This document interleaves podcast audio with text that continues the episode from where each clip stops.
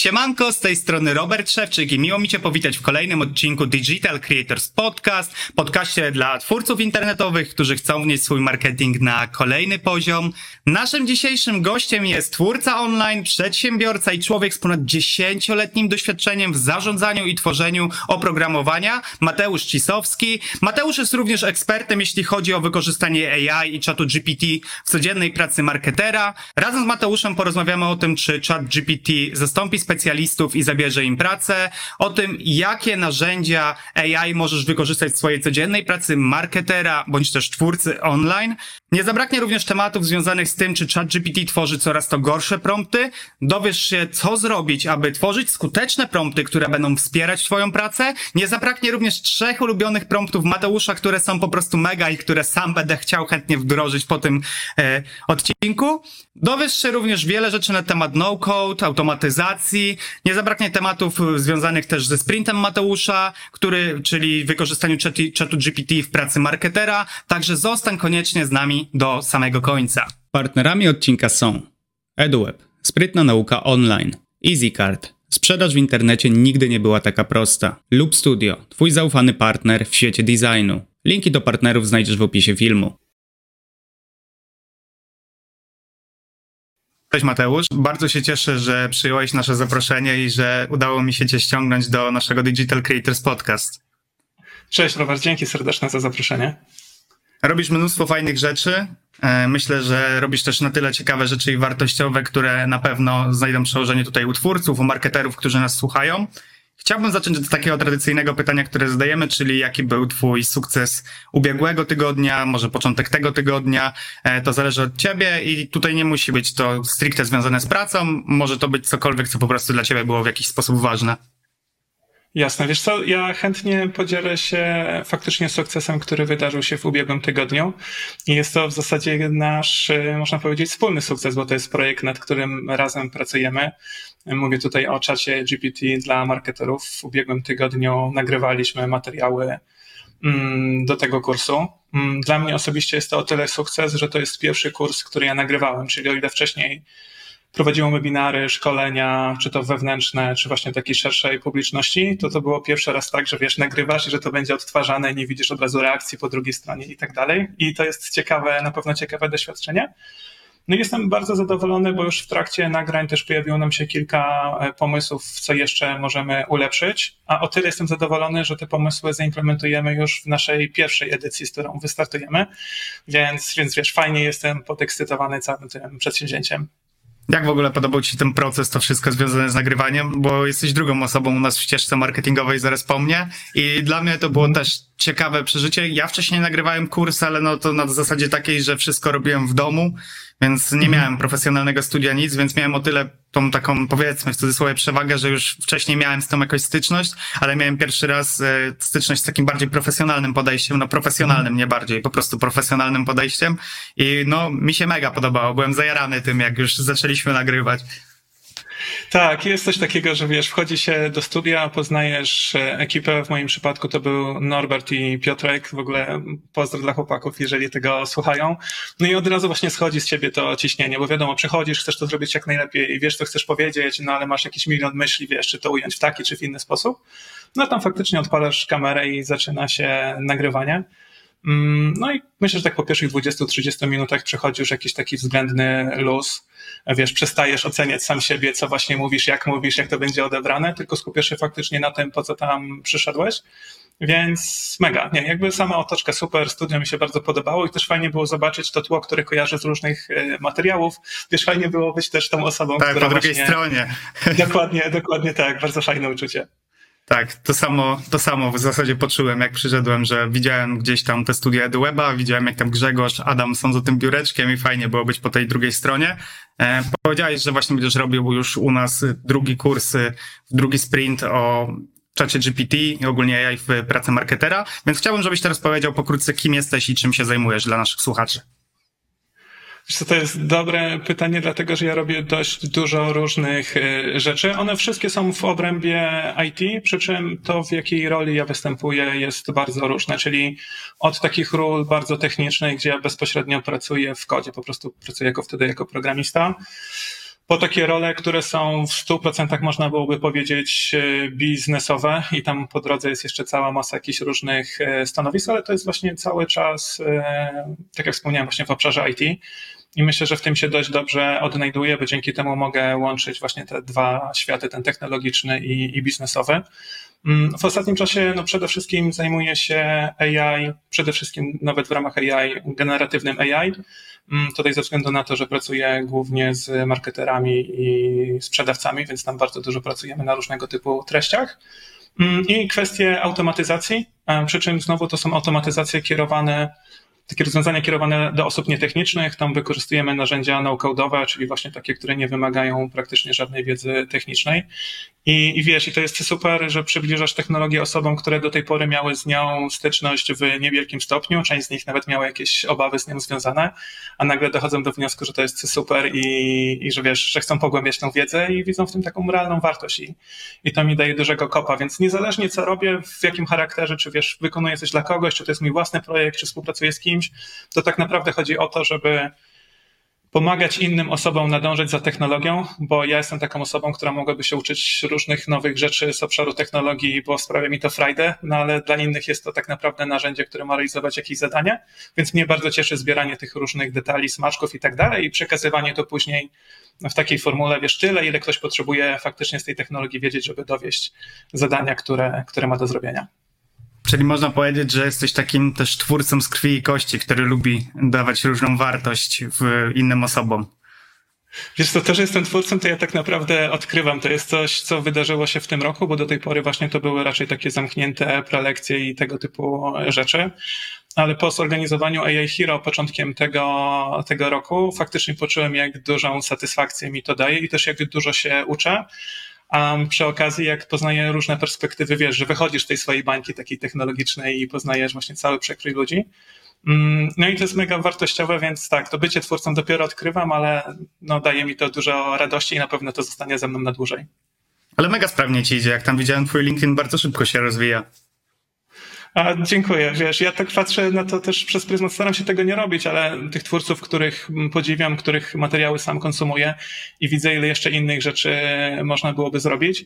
No, a z drugiej strony kusi mnie, żeby w jakiś sposób pokazywać właśnie, jak ta ścieżka wygląda, wiesz, zanim już masz tam duże zasięgi, rozpoznawalność i tak dalej, żeby pokazywać tym ludziom, którzy są właśnie na takim etapie, jak ja teraz, jak ta ścieżka wygląda, wiesz, co, co wychodzi fajnie, gdzie są jakieś potknięcia, gdzie są jakieś trudności, więc też staram się to dokumentować i myślę, że tego będzie się pojawiało jeszcze więcej w kolejnych tygodniach.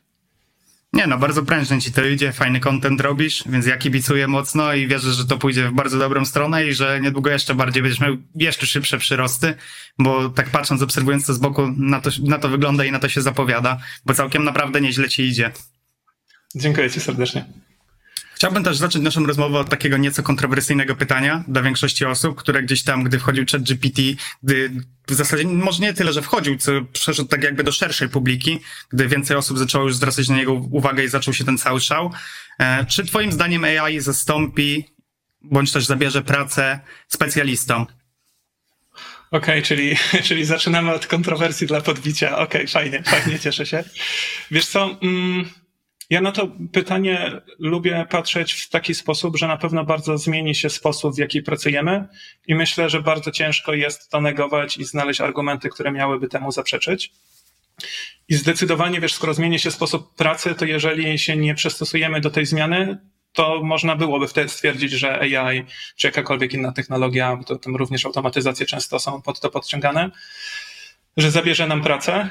Um, ja wolę na to patrzeć i pewnie stąd też wynika ta moja działalność, że to jest po prostu kolejne narzędzie i ono jest bardzo wyszukane momentami, ale też miejscami bardzo prymitywne, jak się nieraz o tym przekonujemy. Ale wiesz właśnie, że to jest kolejne narzędzie, tak jak powiedziałem, czyli warto je poznać, warto mieć własne doświadczenia, warto się z nim oswoić.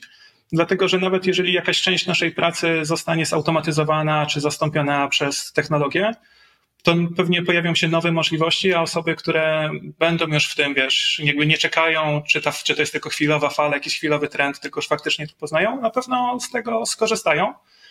Ale żeby też nie było tak kolorowo, no mam takie poczucie, że osoby, które w jakiś sposób to negują, czy to ze strachu, czy przytłoczeni innymi obowiązkami, czy jakichkolwiek innych powodów, że jeśli ktoś to zbyt długo prześpi, no to faktycznie może mieć takie poczucie, że to AI mu zabrało pracę i pewnie nie będzie z takim entuzjazmem spoglądał na te technologie, jak na przykład my robimy to tutaj.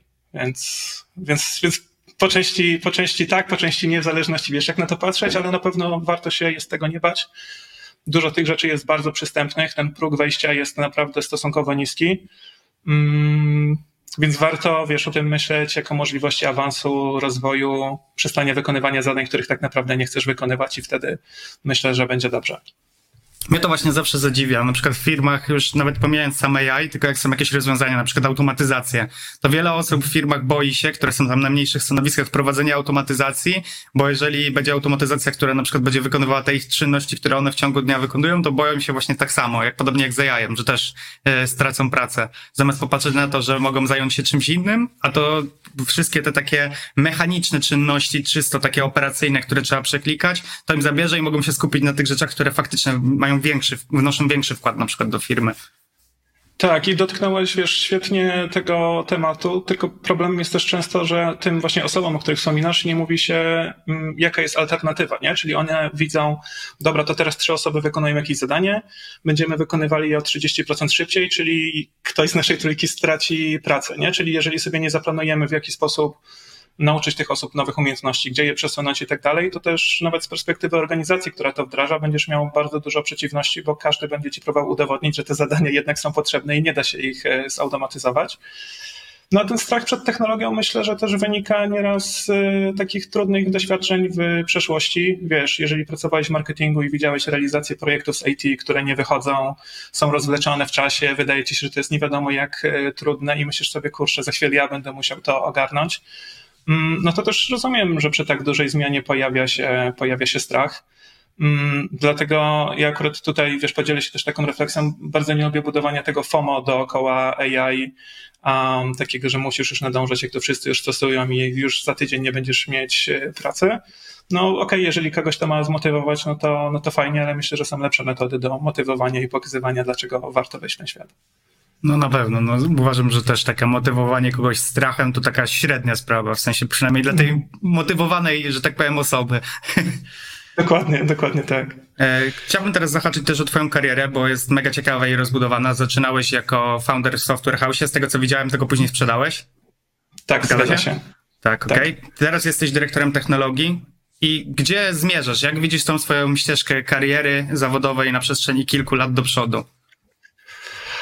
Wiesz co, gdzie, gdzie zmierzam? No na pewno będę zmierzał cały czas w obszarze IT. Um, to na pewno będzie cały czas na właśnie styku technologii i biznesu, czyli jak tą technologię wykorzystywać, czy to do rozwoju biznesu, czy rozwoju poszczególnych osób.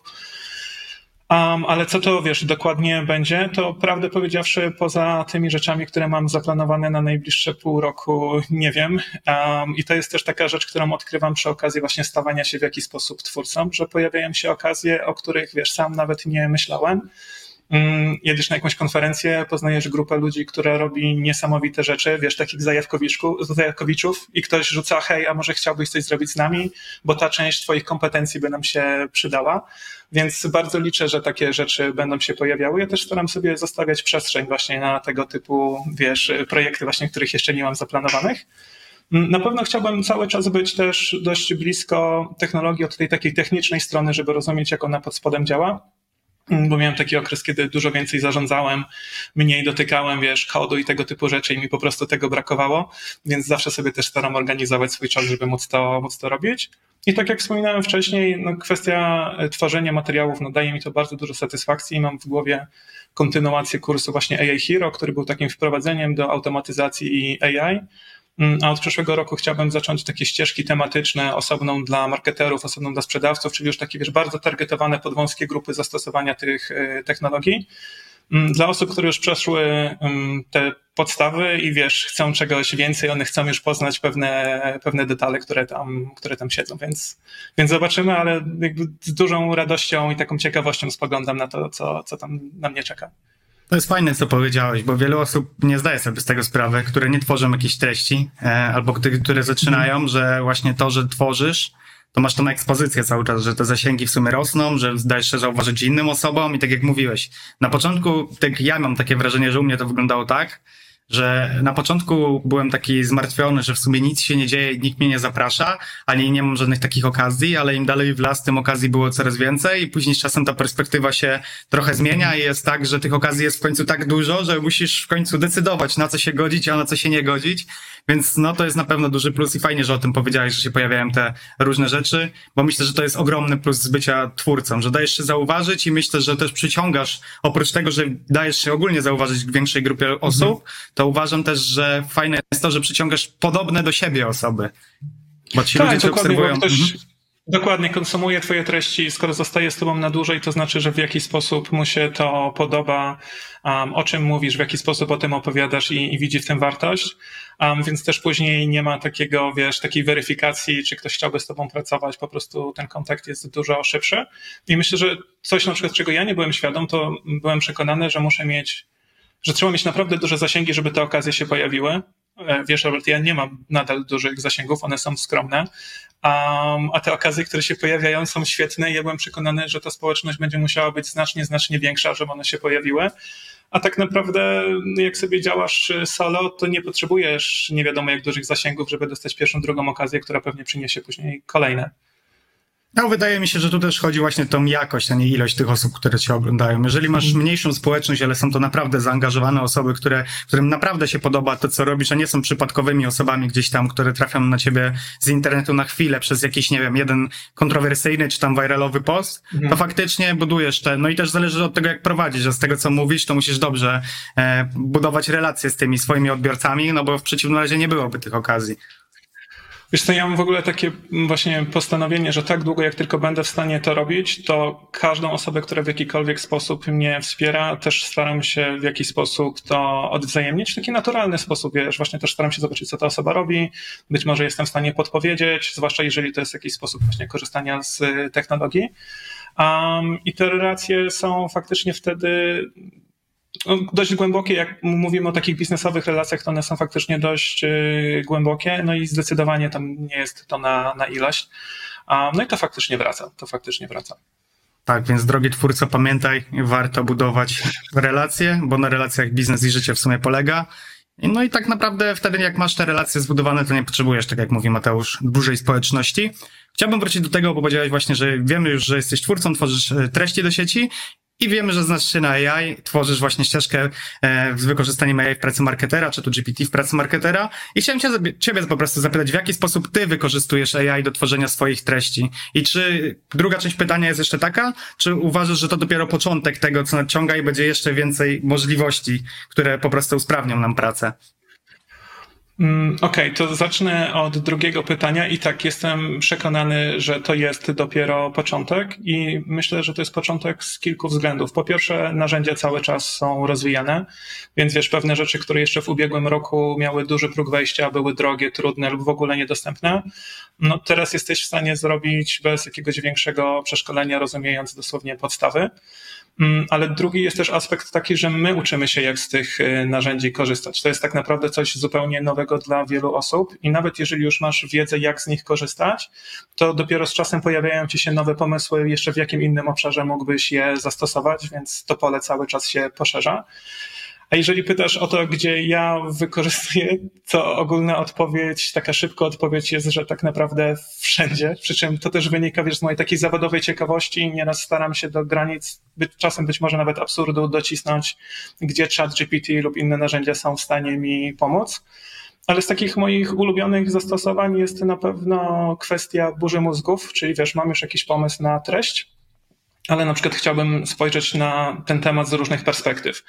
No i ja, jak bardzo bym się nie starał, to mam swoje zawężone widzenie na podstawie doświadczeń, wiedzy, którą mam i w ogóle, więc wtedy zaczynają się burze mózgu z czatem właśnie, żeby podał inną perspektywę, czego nie uwzględniłem, gdzie zastosowałem być może zbyt duży skrót myślowy albo jakieś techniczne słownictwo i tego typu rzeczy i to mi bardzo, wiesz, ułatwia ten obszar, dlatego że nie muszę kogoś angażować, albo zanim zaangażuję inną osobę, to mogę to ogarnąć z czatem. Drugi obszar, w którym mi bardzo pomaga, jest też kwestia tego, że ja często skupiam się stricte na tej warstwie merytorycznej, a zapominam o, wiesz, odpowiednim opakowaniu, żeby się to mogło w jakiś sposób przebić. I nie mówię tutaj o generowaniu clickbaitów, ale wiesz, jakichś hooków i, i, i tak dalej. Um, więc jak mam przygotowaną merytorykę, no to ChatGPT też jest w stanie mi tak naprawdę pomóc w przygotowywaniu tego typu treści. Więc long story short powiedziałbym, że chat pomaga mi tam, gdzie mam jakieś słabości, bolączki, po prostu wiesz, gdzie, gdzie szybciej jestem w stanie dojść od pomysłu do finalnego rezultatu. Dobrze, a jeżeli, bo wymieniliśmy ChatGPT, a chciałbym cię zapytać jeszcze z jakich innych narzędzi korzystasz i w jaki sposób, poza czatem?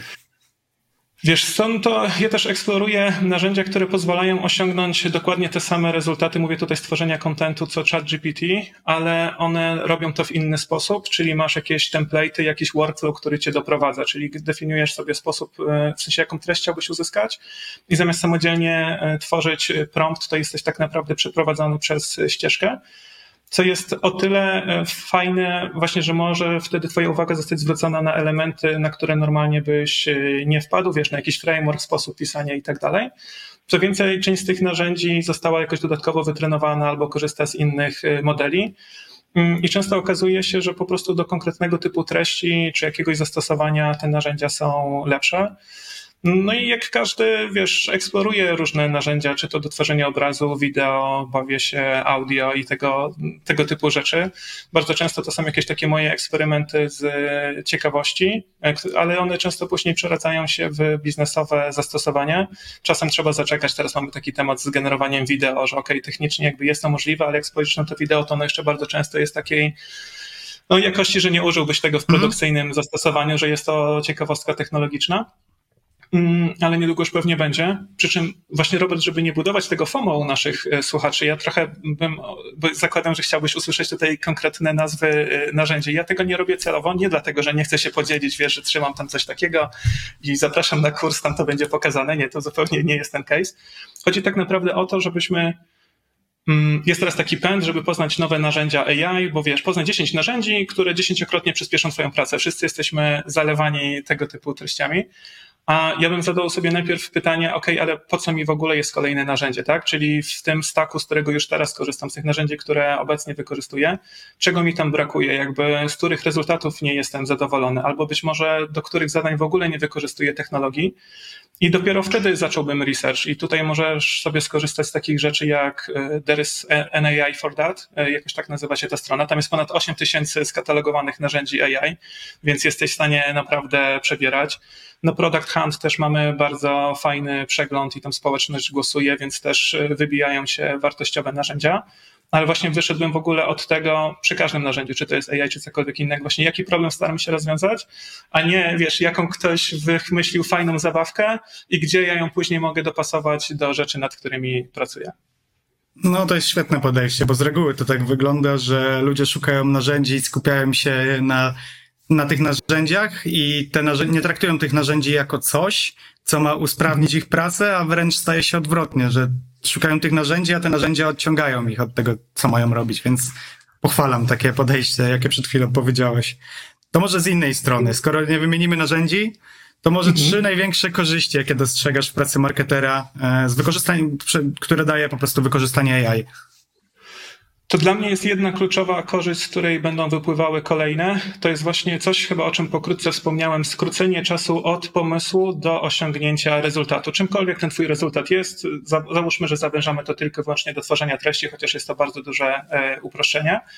I wiesz, i co się pod tym kryje? To, że nie zaczynamy z pustą kartką. I tak naprawdę często myślimy o tym z perspektywy tylko i wyłącznie oszczędności czasu, ale z moim, moim zdaniem jest jeszcze druga perspektywa, która jest często pomijana. Oszczędność naszego um, przepraszam za wtrącenie, brain power, nie? Czyli jak nie zaczynasz z białą kartką, to tak naprawdę danie nawet feedbacku, jeżeli ten rezultat jest niezadowalający, jest znacznie łatwiejsze niż wymyślenie czegoś zupełnie od y, zera. Wspominałem Ci właśnie o tym, jak stosuję do tej różnej burzy mózgów, czy wyłapywania jakichś nieścisłości, czy też potencjalnych błędów w mojej treści to uważam, że tam jest świetna, e, świetne wsparcie. Na pewno cały w ogóle temat mm, generowania pomysłów. Przy czym znowu chciałbym tutaj podkreślić, że wiesz, nie chodzi o to, żebyśmy poprosili, przygotowali sobie jakiś super prompt, czy nawet zakupili go w sieci i nagle generowali masowo treści i wiesz, wszystko jest y, gotowe, bo to zupełnie nie w tym rzecz, tylko jak już dostajemy właśnie propozycje tam kilkunastu, kilkudziesięciu tematów, to wtedy dużo łatwiej jest je eksplorować, pogłębiać i mi osobiście y, w tym też czat pomaga i widzę, że właśnie innym, innym marketerom, jak sobie przerabiamy, to to jest takie bardzo E, bardzo wartościowa. Mm, tak, no nasuwa mi się jeszcze dużo zastosowań w obrębie samej automatyzacji, gdzie też te narzędzia pomagają, ale nie wiem, czy chcemy tutaj wchodzić aż tak e, e, głęboko. Możesz dać jakiś przykład, bo sam z chęcią posłucham. Ja to jestem taki, odwiem, po, pobieżnie znam się na automatyzacjach, w sensie znam się mhm. bardziej w teorii z tego, co słyszałem od gości tutaj, niż w praktyce, więc możesz też coś powiedzieć, chętnie posłucham. Okej, okay, wiesz co, to tak naprawdę chodzi o te zastosowania, gdzie... Mm, no standardowo jak sobie implementujesz jakąś automatyzację, no to masz jakąś taką bardzo konkretną ścieżkę postępowania. No ale często po drodze pojawia się interakcja nie maszyna, nie maszyna, maszyna, tylko człowiek, maszyna. No i trzeba zinterpretować, co w danej treści się zawiera. I mówię tutaj już nawet o takich rzeczach, że nie wiem, otrzymałeś jakąś wiadomość, trzeba ją przeanalizować i określić, co to jest w ogóle za, za treść. Wiesz, czy jest gdzieś jakiś gruby fuck up i trzeba zareagować od razu, czy być może jest to to, że ktoś ci za coś podziękował i możesz sobie na spokojnie, ta wiadomość na spokojnie może zaczekać. Na przykład z mojej perspektywy jest to bardzo uwalniające. Ja nie jestem osobą, która regularnie sprawdza maile, bardziej sobie dzielę to w bloki, ale z drugiej strony, jak zacząłem to stosować, to wiesz, miałem obawę, że gdzieś dzieje się coś istotnego, a ja o tym e, nie wiem.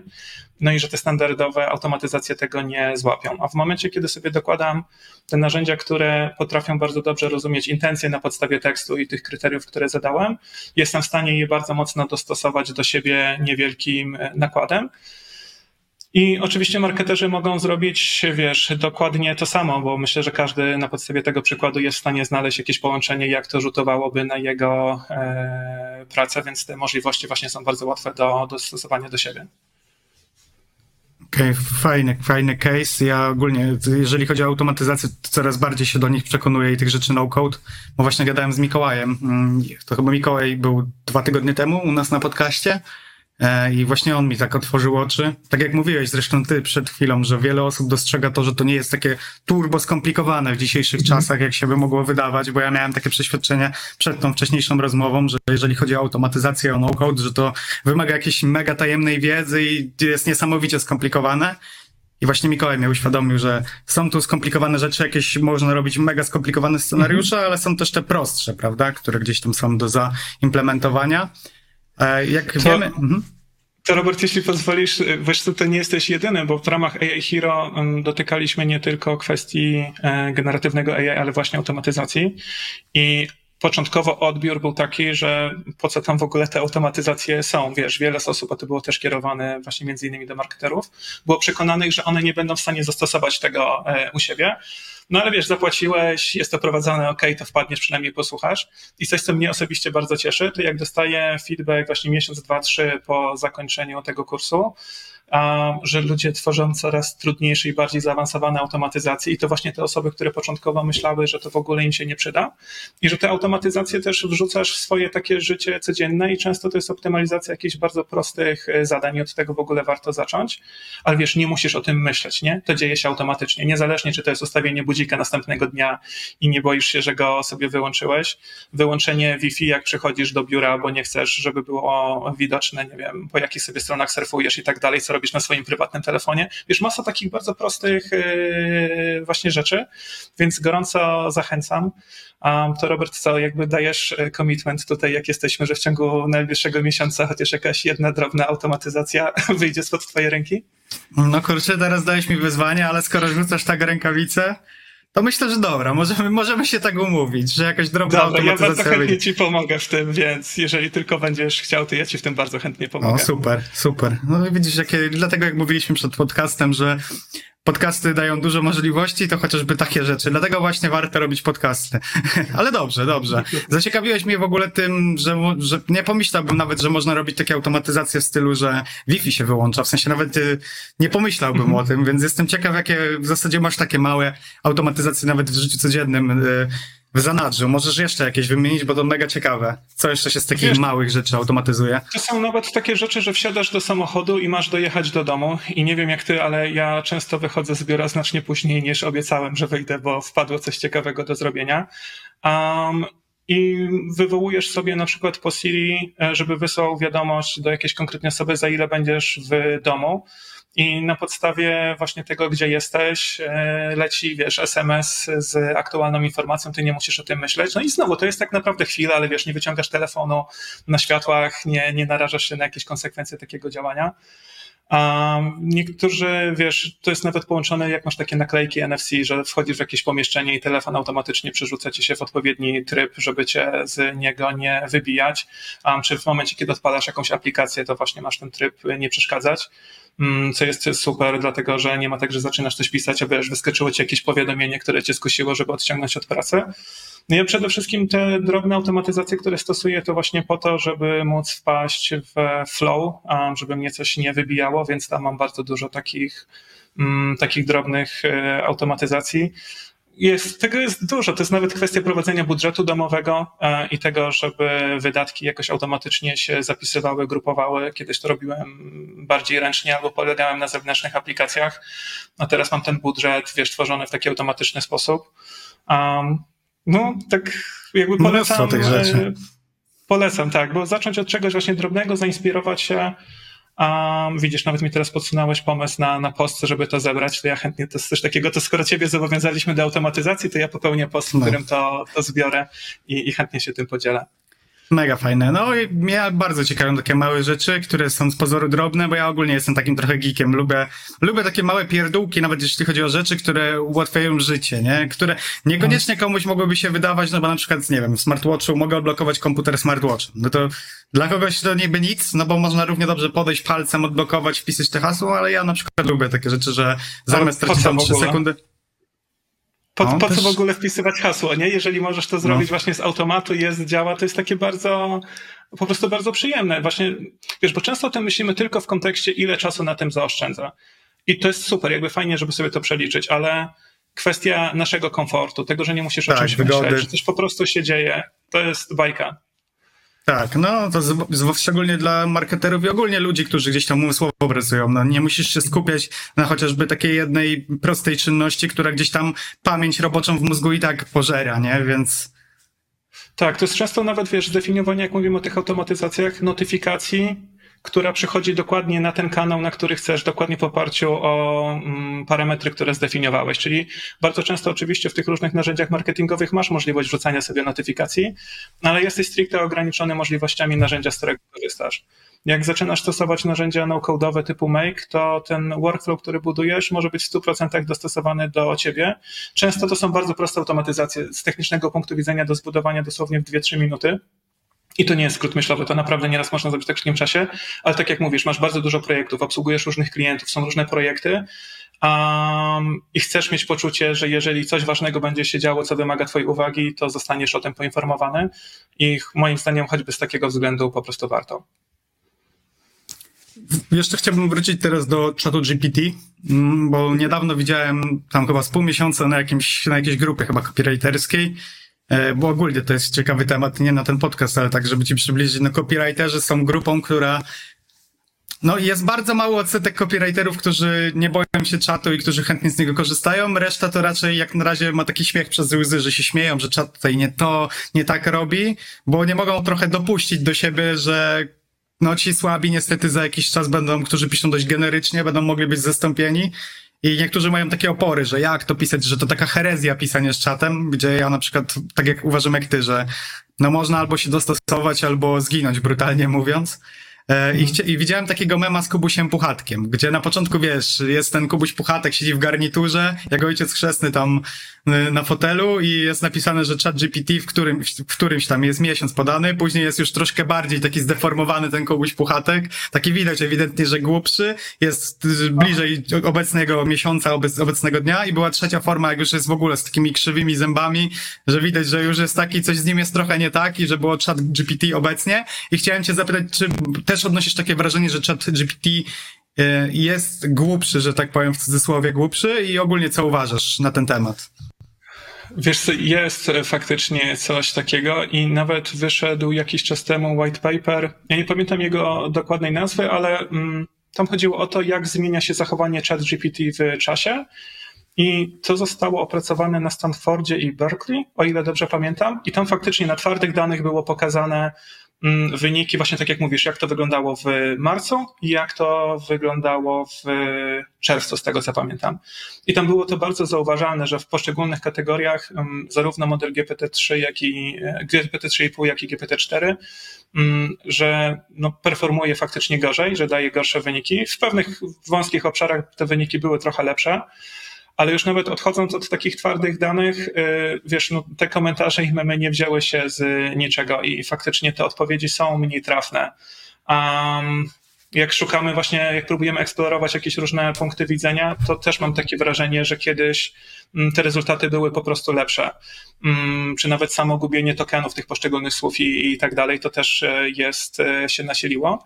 Więc to na pewno jest problem. Um, przy czym mam też poczucie, w ogóle nie negując tego, co teraz powiedziałem, bo to jest na pewno istotny problem, że wiesz, też zmienia się nasze patrzenie na te narzędzia, nie? Czyli początkowo odpaliłeś chat GPT, um, wpisujesz, y, widzisz, że to nie jest kolejny chatbot, tylko on naprawdę rozumie intencję, która stoi za twoim zapytaniem, ma bardzo rozległą wiedzę, potrafi spojrzeć właśnie na, na tą tematykę z różnych perspektyw, dostosować się do ciebie i tak dalej, i tak dalej ale w momencie, kiedy ten pierwszy zachwyt opada, to zaczynasz coraz bardziej zauważać różne niuanse, niedoskonałości i tak dalej, więc też naturalnie zaczynasz coraz bardziej surowo oceniać te mm, narzędzia. A myślę, że drugi aspekt jest taki, że właśnie czym bardziej zaczynasz go wykorzystywać nie jako ciekawostkę technologiczną, tylko do realizowania swojej takiej codziennej pracy. I wiesz, twoje dowiezienie projektu zależy od tego, czy to narzędzie zadziała w taki sposób, jak od tego oczekujesz, czy nie, no to też zaczynasz się postrzegać znacznie bardziej surowo. Więc ja myślę, że tutaj są tak naprawdę dwa istotne e, aspekty, z którymi się mierzymy. Hej, Mała przerwa na szybkie ogłoszenie. Uruchomiliśmy Digital Creators Newsletter, dzięki któremu już zawsze będziesz na bieżąco z naszymi materiałami. Dodatkowo w środku czekają na Ciebie fajne polecenia książek i wartościowych treści. Link znajdziesz w komentarzu, a tymczasem wracajmy do odcinka. Okej, okay, to mam dwa takie pytania do tego, bardziej e, wgłębiające się w ten temat. Pierwsze to jest takie, czy nie uważasz też, że no skoro, bo to było tak, że on się uczył też na podstawie naszych, y, naszych promptów i tak dalej, prawda? Więc też czy nie uważasz tak, że po prostu ludzie też głupoty po prostu wpisywali do tego czatu, przez co on też y, trochę zgłupia? Wiesz, to, to jest świetnie zadane pytanie, tak? Czy my jako ludzie sprawiliśmy, że, że czaty degeneruje gorsze wyniki? No wiesz, oczywiście tam te modele są cały czas y, trenowane, ale to też nie jest tak, że wszystko, co my tam wpisujemy, jest od razu wykorzystywane do trenowania. Te dane też są wybierane i za tym stoi sztab też ludzi, którzy o tym decydują i te wszystkie mechanizmy, część o nich y, wiemy, a część jest tak naprawdę no stricte e, no, do takich, takie rzeczy, do których nie mamy dostępu. Mm, ja bardziej bym się doszukiwał, przy czym teraz to nie jest tak, że mam twarde dane, które by to potwierdziły. Ja zakładam, że chodzi mm, o oszczędności po prostu, nie? że jednak e, utrzymywanie tego typu systemów jest kosztowne. No skala, z której, wiesz, którą wykorzystujemy do tego jest e, ogromna. Mm, więc być może tak naprawdę też chodziło e, o to, ale tak jak wspomniałem, mogę się tutaj grubo mylić, bo to jest bardziej takie moje przypuszczenie. Jasne. A drugą rzecz, o którą chciałem tu dopytać odnośnie tego, że te prompty czasami, znaczy, że odpowiedzi, które otrzymujemy od czatu, są nie do końca takie, jak chcemy, ale to chyba też czat, z czatem jest chyba tak, przynajmniej jak mi się wydaje, po pierwsze jak z Googlem, że trzeba umiejętnie wpisywać te rzeczy, bo jak wpiszesz, wpiszesz złą frazę, to ci chyba nie wyskoczy takie to, czego szukasz. A po drugie chyba też trzeba udoskonalać te prompty, nie? Jak ty to widzisz? Jak świetnie zadałeś to pytanie, bo analogia z Googlem jest jedną z moich ulubionych, bo właśnie ChatGPT jest takim narzędziem, z którym bardzo łatwo jest zacząć pracę. Tak, zakładasz konto, ono jest darmowe, w sensie możesz skorzystać z darmowego konta, wpisujesz cokolwiek, dostajesz w miarę fajną e, odpowiedź i bardzo podobnie mieliśmy z Googlem. Jakby nikt nie musiał cię uczyć, a przynajmniej tak nam się wydawało, jak korzystać z wyszukiwarki. Ale myślę, że gdybyśmy sobie zobaczyli, jak 10 lat temu korzystaliśmy z wyszukiwarki, i nie chodzi mi o te wszystkie zmiany technologiczne, które zaszły, tylko w ogóle nasz sposób korzystania, jak wpisywaliśmy zapytania, to w pewnym momencie bardzo naturalne stało się, wiesz, wpisywanie ich w jakiś konkretny sposób, a trochę inaczej byś zadał to pytanie, wiesz, innej osobie, a inaczej kierujesz je do Google'a. No i bardzo podobnie jest faktycznie z samym e, czatem.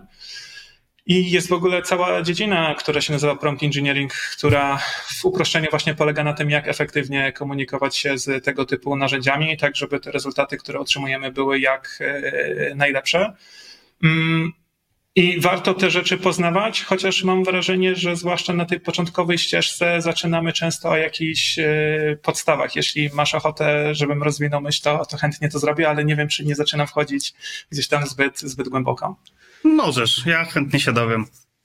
Okej, okay, no to wiesz, gdybyśmy wzięli takiego adepta, który dopiero zaczyna korzystać z ChatGPT, ale już jest za tym takim pierwszym hypem, stwierdził, okej, okay, to nie jest ciekawostka technologiczna, albo chce przestać się bać, e, tak jak mówiłeś na przykład o copywriterach, mm, to zanim pewnie wszedłbym jakoś głębiej w prompt engineering też, żeby nie przytłoczyć tej osoby, bo tam czasami może się pojawić jakaś techniczna terminologia, to ja bym sobie zadawał pytanie, dlaczego odpowiedź, którą otrzymałem, jest niezadowalająca. I bardzo często tak naprawdę chodzi o brak odpowiedniego kontekstu. Czyli wiesz, wyobraź sobie, że wpisujesz tam, nie wiem, napisz mi artykuł na temat sztucznej inteligencji. No i dostajesz, tak jak wspomniałeś, właśnie jakiś generatywny wynik. No wiesz, każdy ten tekst zupełnie niczym się nie wyróżnia. No okej, okay, jest poprawny, ma sens, jest nawet być może ładnie napisany no ale nie ma on wartości, nie opublikowałbyś tego na swoim blogu czy na LinkedInie, ale gdy się zastanowisz właśnie, um, z jakiej perspektywy piszesz, do kogo piszesz, na jakie aspekt chcesz zwrócić uwagę, właśnie czy to ma być wpis na blogu, czy to ma być wpis na LinkedIna i tak dalej, czyli zaczynają się pojawiać tu dodatkowe informacje, no to dajesz też możliwość ChatGPT e, cudzysłów wykazania się i przygotowania tej treści w taki sposób, jak chcesz, i oczywiście te niuanse, w jaki sposób my zadamy to pytanie, mają znaczenie, tylko dla mnie to jest taki już krok dalej, czyli już masz wypracowane podstawy, nauczyłeś się właśnie myśleć o tym, że kwestia tego kontekstu i co chcesz osiągnąć jest szalenie istotna, no to wtedy warto dokładać kolejne elementy. I to jest mega proste. I wiesz, jak o tym się mówi, to, to można powiedzieć, że to nie jest nic odkrywczego, ale tak z mojego doświadczenia to jest coś, czego bardzo często brakuje.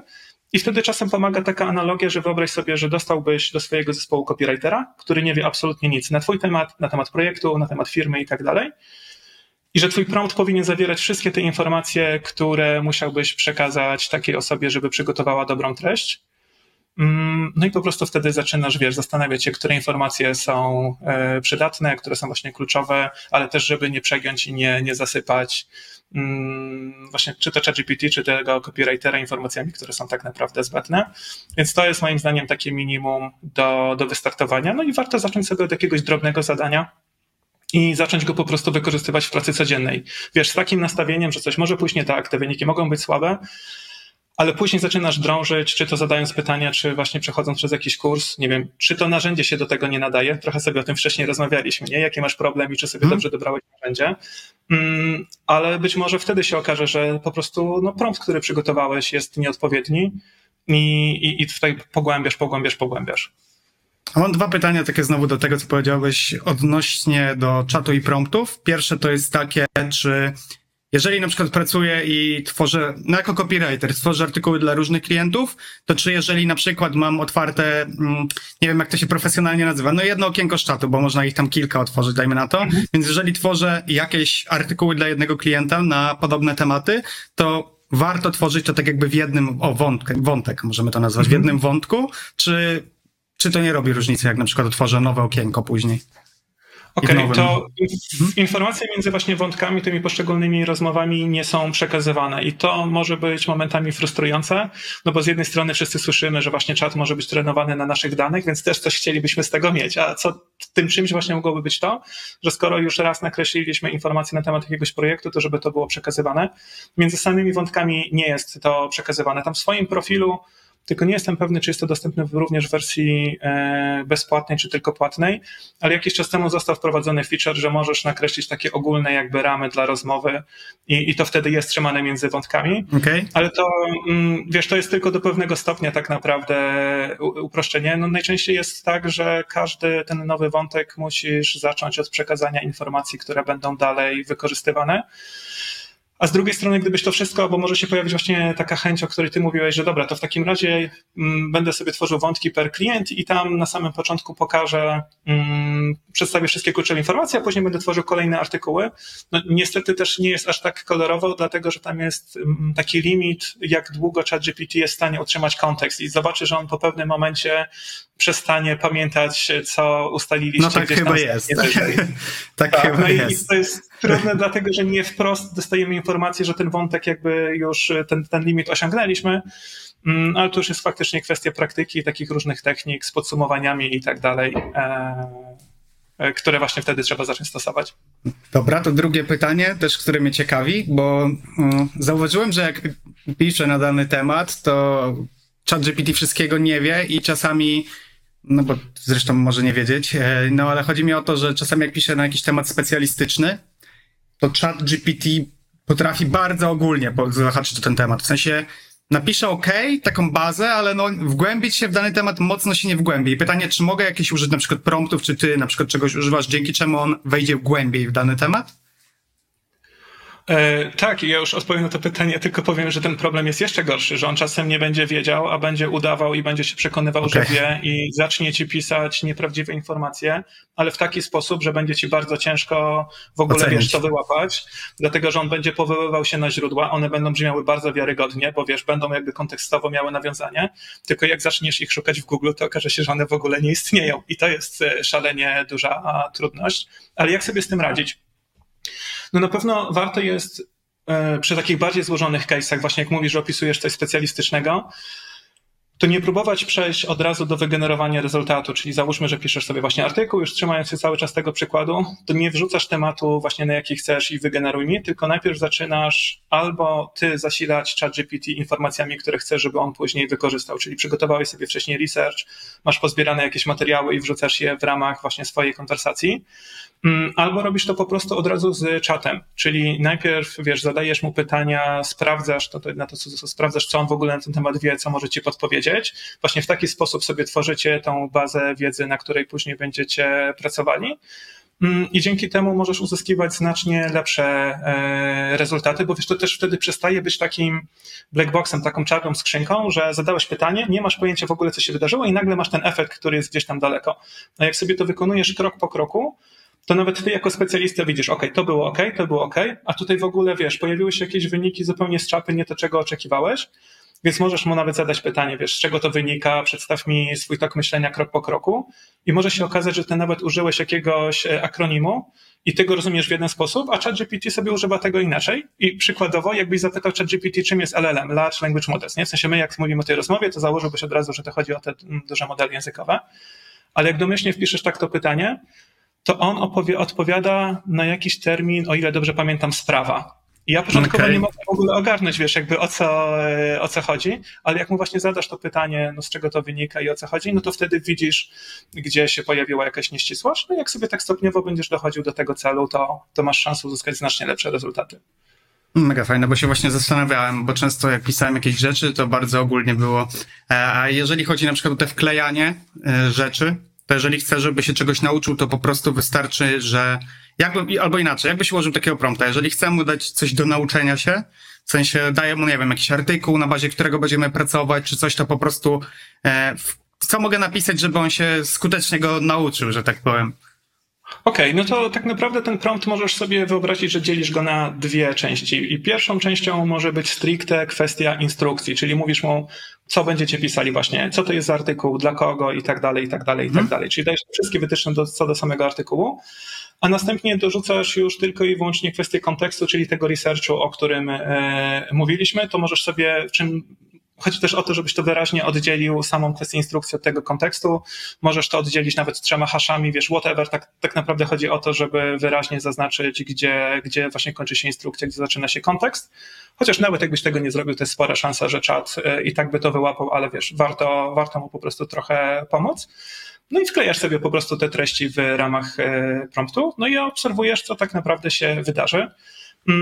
A jeżeli nie samym promptem, to czasem łatwiej jest też nim sterować na zasadzie po prostu prowadzenia rozmowy, czyli też możesz wprost powiedzieć, że hej, będziemy pisali taki i taki artykuł, czyli to, co mówiliśmy wcześniej. Teraz w kolejnych wiadomościach będę zasilał cię bazą wiedzy. Potwierdź trzema kropkami, że zrozumiałeś. Wrzucasz mu w kolejnych wiadomościach właśnie, e, zasilasz go wiedzą. No i później wydajesz mu jasną instrukcję, bo to właśnie też chciałbym podkreślić to słowo jasną instrukcję, wiesz, żeby tam było jak najmniej dwuznaczności i takich rzeczy, gdzie on może inaczej zinterpretować swoje intencje. I mówisz, OK, skończyliśmy, to teraz na tej podstawie e, zrób to i to to która okay. z tych metod lepiej zadziała? Czyli wiesz, czy od razu w prompcie, czy ta rozmowa, no to to jest bardzo już specyficzne od konkretnego case'u. I zwłaszcza na początku zachęcam do eksperymentowania z jednym i z drugim, bo to jest też często kwestia po prostu wyczucia. A jakie są takie twoje trzy najczęstsze prompty, które stosujesz gdzieś tam e, w swojej pracy marketingowej albo jako twórca? Masz takie? To pierwszy, tak, to pierwszy to jest na pewno kwestia tych hooków, e, o których ci wspomniałem na LinkedInie. I moja praca tutaj wygląda wtedy w ten sposób, że mam przygotowaną treść e, i wrzucam tą treść właśnie w ramach zasilania czata wiedzą i piszę mu, że nawet mam tutaj pod ręką taki, taki prompt, że napisz trzy propozycje LinkedIn hook na temat, no i wrzucam sobie właśnie temat i że hook na LinkedIn to 3-4 zdania, nie więcej niż 10 słów każde. Mm, LinkedIn Hook wykorzystuje formułę copywritingu PAS i zachęca czytelników do dalszego czytania. Um, I tam wiesz, mam są jeszcze jakieś dodatkowe detale, no i poniżej właśnie wrzucam mu mój post i on już później przygotowuje, wiesz, ten pierwszy nagłówek, pierwszą linijkę tekstu, która wyświetla się każdemu na LinkedInie. Um, ja dostaję trzy propozycje, zazwyczaj coś z tych trzech propozycji jestem w stanie wybrać, jeśli nie, to proszę go o wygenerowanie, mm, wygenerowanie kolejnych.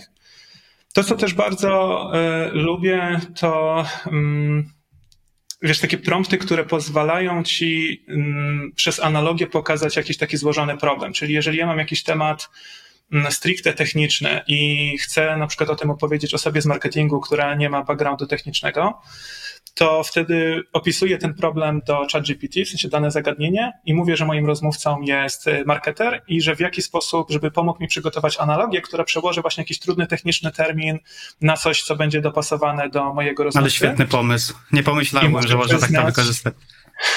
To cieszę się, to cieszę się, że znalazłeś tę wartość i muszę wiesz przyznać, że ja, mimo tego, że no, bardzo często pracuję swoimi technicznymi, to chat GPT wielokrotnie robi to e, lepiej niż ja i wiesz, nieraz są też takie sytuacje, że ktoś pyta, ej, świetna analogia, skąd ją masz, nie? Wiesz, jakieś książki, jakieś takie rzeczy, a ja mówię, tak, no, chat GPT to podpowiedział, co jest w zasadzie okej okay, tak naprawdę, nie? Bo na samym końcu chodzi przecież o, o wartość. E, I trzeci taki prompt, który też lubię, to jest to nie jest złoty prompt, który rozwiązuje cały problem, ale on mi bardzo pomaga.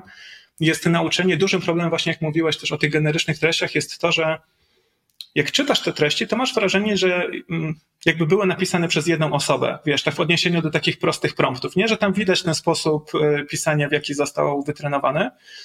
I oczywiście ty go możesz poprosić o naśladowanie e, sposobu pisania jakiejś innej osoby. No bo skoro on był zasilany różnymi danymi, no to nauczył się tych znanych osób, w jaki sposób e, piszą. I polecam ci napisanie tego samego artykułu, e, czyli masz tą samą merytorykę, tylko wiesz, wskazujesz jakby różnych twórców, nie wiem, jakichś podcasterów, whatever, mhm. a, i zobaczysz, jak te treści się będą bardzo różniły ale y, właśnie też y, chciałem, żeby czat pisał jak najbliżej tego, tak jak ja bym to zrobił, żebym później musiał dużo mniej y, wykonywać korekty. Ona zawsze istnieje, dlatego mówię, że to nie jest złote rozwiązanie. Mm, I ja sobie to zrobiłem właśnie w taki sposób, że mm, tutaj mam nawet taki prompt na podstawie poniższych tekstów, przygotuj szczegółową charakterystykę stylów, jakie zostały napisane. I tam mam 15 różnych elementów, które definiują styl. Czyli wiesz, ja jakby od razu wskazałem czatowi, w jakich kategoriach chcę, żeby on przeanalizował te treści.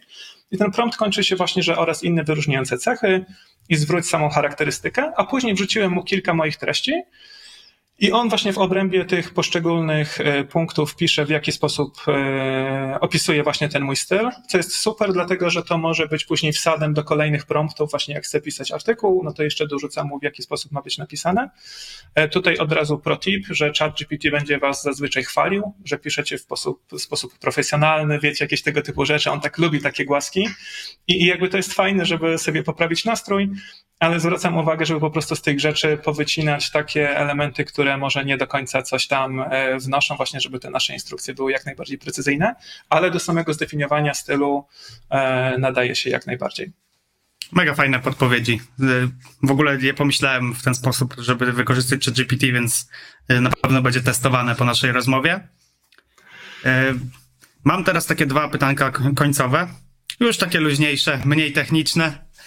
Ale no myślę, że nie było tu stresujące, że rozmowa nie była stresująca, więc... Nie, nie, wiesz, jakbyś powiedział, że jeszcze masz masę pytań odnośnie tego, to ja bym mógłbym odpowiadać i odpowiadać, ale masz rację, możemy sobie zostawić coś jeszcze na, na inny raz, jak będziesz miał ochotę, więc jestem tak, ciekaw, w zasadzie pewnie i to w zasadzie mam trzy takie pytania na koniec, jakbyś mógł pokrótce odpowiedzieć. Pierwsze to jest właśnie od GPT w pracy marketera, w, o, na, w sprincie, który współtworzymy gdzieś tam dla EduWeb. Chciałbym zapytać, dla kogo, w sensie o stopień zaawansowania będzie ten sprint i co planujesz w nim zawrzeć, bo ja nie mam zielonego pojęcia.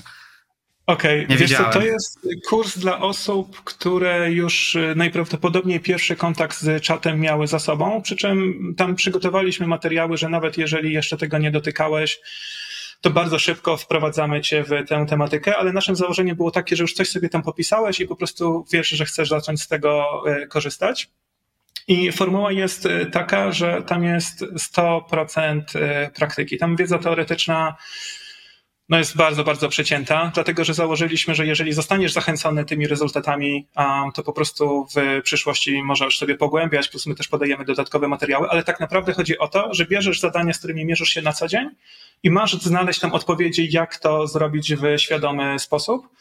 Mm, my tam robimy, zarówno wykładamy taką podstawową y, wiedzę, która się przyda niezależnie co dokładnie w ramach marketingu robisz, ale są też później takie lekcje bardzo konkretne, dedykowane osobno copywriterom, osobno ludziom SEO, e, odpłatnej reklamy, social media i tak dalej, i tak dalej. Wiesz, jakby to są takie już poszczególne e, lekcje, które bardzo mocno mm, adresują te tematy. No i też uczestnicy realizują tam własny projekt, czyli oprócz tego, że mamy mini zadania po każdej lekcji, no to mierzysz się z projektem, który przygotowaliśmy i wiesz, wczuwasz się tak, jakbyś to realizował dla klienta, no i nabywasz właśnie takiego realnego doświadczenia odnośnie tego, gdzie ChatGPT się sprawdza, no gdzie się sprawdza, ale tylko w jakimś stopniu, a gdzie, wiesz, póki co w ogóle nie, nie dowozi tej wartości, której byś oczekiwał, bo założenie jest takie, że właśnie po tych trzech tygodniach dość intensywnego sprintu, um, no masz być w stanie wykorzystać to we własnej, we własnej pracy. O, to czuję, że wejdę w twój sprint też, więc pewnie się zobaczymy na pokładzie. Sam się chętnie pouczę. Zapraszam. Zapraszam. A, chętnie dołączę. Mm, drugie już bardzo luźne pytanie, a mianowicie, gdybyś mógł być dowolnym zwierzęciem, to jakim chciałbyś być i dlaczego? Możesz robić hybrydy, tutaj ogranicza cię wyobraźnię, już wiele odpowiedzi słyszałem. Były jakieś mistyczne zwierzęta, były e, hybrydy zwierząt, więc... To ja mam chyba jeszcze inaczej, wiesz, wracając do początku naszej rozmowy, że ja robię dużo różnych rzeczy, to ja też chciałbym spróbować być różnym e, zwierzęciem, nie? Jakby, tak jak sobie myślisz o superbohaterach i że oni mają jakieś różne moce, no to tak samo każde zwierzę ma trochę inne, fajne umiejętności i pewnie sposób spojrzenia i fajnie byłoby tego wszystkiego doświadczyć, więc jeśli nie musiałbym wybierać jednego, to zdecydowanie chciałbym spróbować um, różnych, trochę jak w mojej pracy. Czyli w zależności od kontekstu wybierałbyś takie. No i bardzo fajna tak, odpowiedź. Tak, tak. Kreatywna. No i ostatnie pytanie. Mm, gdzie nasi słuchacze mogą cię znaleźć? Um, myślę, że przede wszystkim na LinkedInie. Um, tam właśnie staram się tak raz, dwa razy w tygodniu wrzucić coś ciekawego i to czy ze świata technologii, ale też jakichś różnych moich przemyśleń, trochę podobnych do tego, co, którymi się dzisiaj dzieliłem. Um, ja też tam w drobnym stopniu, ale myślę, że to się zwiększy, dokumentuję to właśnie, co robię i, i tą moją ścieżkę. Więc jeżeli ktoś miałby z tym znaleźć wartość, to myślę, że głównie na, na LinkedInie. No, a drugie takie miejsce to jest moja strona mateuszcisowski.pl i, i tam też właśnie można trochę więcej przeczytać na mój temat i zobaczyć, co robię. Tak, ja odsłucham, dam linki wszystkie w opisie i serdecznie odsyłam wszystkich do Mateusza i jeszcze zwłaszcza osoby początkujące, bo jak Mateusz sam wspomniał, gdzieś tam zaczyna swoją przygodę z byciem twórcą, więc myślę, że to jest fajny case, jeżeli ktoś gdzieś też zaczyna, żeby śledzić twoją pracę, tak jak mówisz, że pokazujesz kulisy, to wszystko, bo uważam, że szczególnie na początku dużo lepiej się uczy od mniejszych twórców, bo jeżeli są osoby, które już mają naprawdę ogromne zasięgi, no to trochę tracą tą perspektywę i nie, nie, nie widać tego. Inaczej myślę, żeby podeszli do tego z tymi realiami, które mają teraz, niż wtedy, więc fajnym jesteś takim case'em, żeby popatrzeć to, jak to twoja cała ta kariera jako twórca się rozwija, więc tym bardziej zapraszam ludzi do ciebie, bo myślę, że warto to śledzić po prostu. Można dużo się nauczyć i dużo rzeczy wyciągnąć do siebie, do, do siebie po prostu. Dziękuję ci serdecznie, to bardzo miłe, co powiedziałeś. Nie, bo naprawdę uważam, że no bo najlepiej moim zdaniem się, bo tak tracimy jednak tam, chyba to u Przemka Górczyka ostatnio widziałem, że się ktoś go zapytał, czego żałuje na przykład jakby zaczynał od nowa z podcastem, to co by zrobił, to on napisał, że nie patrzyłby na tych dużych twórców typu Joe Rogan i tak dalej, bo to już jest całkiem inna perspektywa i zgadzam się z tym, że faktycznie jak zaczynasz gdzieś, to lepiej patrzeć na tych średnich na przykład twórców, w sensie średnich wielkością, nie mówię, że jakością, tylko śred, tych średnich na przykład twórców, no bo dużo więcej z tego wyciągniesz do siebie i będziesz mógł przełożyć niż do takich dużych twórców, gdzie to już inaczej trochę działa. W pełni się zgadzam, wiesz, no jak startowałem ze swoją pierwszą inicjatywą, no to masz w głowie wyobrażenie, jak chcesz, żeby to docelowo wyglądało, ale jeżeli robisz to po godzinach, to są jakieś twoje pierwsze projekty w tym obszarze, no to nie ma możliwości, żebyś zrobił to tak samo dobrze, jak ktoś, kto to robi 5, 10 czy 15 lat i być może ma nawet sztab ludzi za sobą. Um, I tak jak mówisz, no pewnie trochę inne rzeczy mają wtedy znaczenie.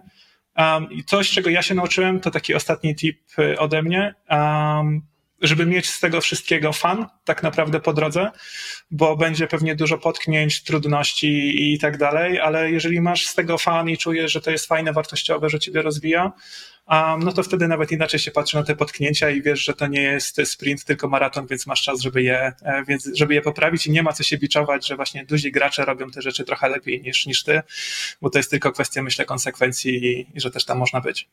Zgadzam się, pięknie tutaj zwieńczony podcast. Ja Ci, Mateusz, bardzo dziękuję za Twój czas i słuchaczom mówię, że do zobaczenia w kolejnym odcinku. Dzięki serdeczne. Dziękuję Ci za Twój czas i wysłuchanie tego materiału do końca. Jeśli uważasz ten odcinek za wartościowy i znasz chociażby jedną osobę, której może pomóc, to będę wdzięczny za udostępnienie. Ja Ci dziękuję i widzimy się w kolejnych odcinkach. Cześć!